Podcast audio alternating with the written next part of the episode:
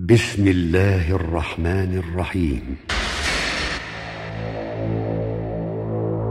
من عرض نفسه للفتنة أولا لم ينجو منها آخر من جعل دينه عرضة للخصومات أكثر التحول تسجيلات الراية الإسلامية تقدم واتق- واتقوا فتنة واتقوا فتنة لا تصيبن الذين ظلموا منكم خاصة واتقوا فتنة منشأ كل فتنة فتنة تقديم الرأي على الشرع والهوى على العقل واتقوا فتنة فتقديم الرأي على الشرع هو فتنة الشبهة وتقديم الهوى على العقل وأصل فتنة الشهوة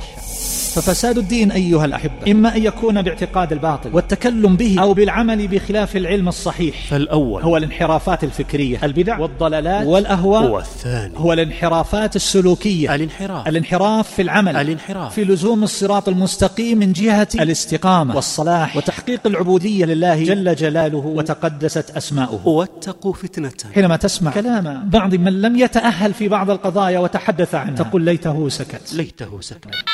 هذا الإنترنت أيها الأحبة هو امتحان كبير للإيمان والأخلاق والعقول أبواب الشر مشرعة وأبواب الخير مترعة لا ينبغي للإنسان أن يفرط الثقة بنفسه لا في مجال الشبهات ولا في مجال الشهوات لا تقل لا تقل أجرب لا تفتح بابا من أبواب جهنم فقد لا تستطيع الرجوع واتقوا فتنة واتقوا فتنة لا تصيبن الذين ظلموا منكم خاصة محاضرة لفضيلة الشيخ الدكتور خالد بن عثمان السبت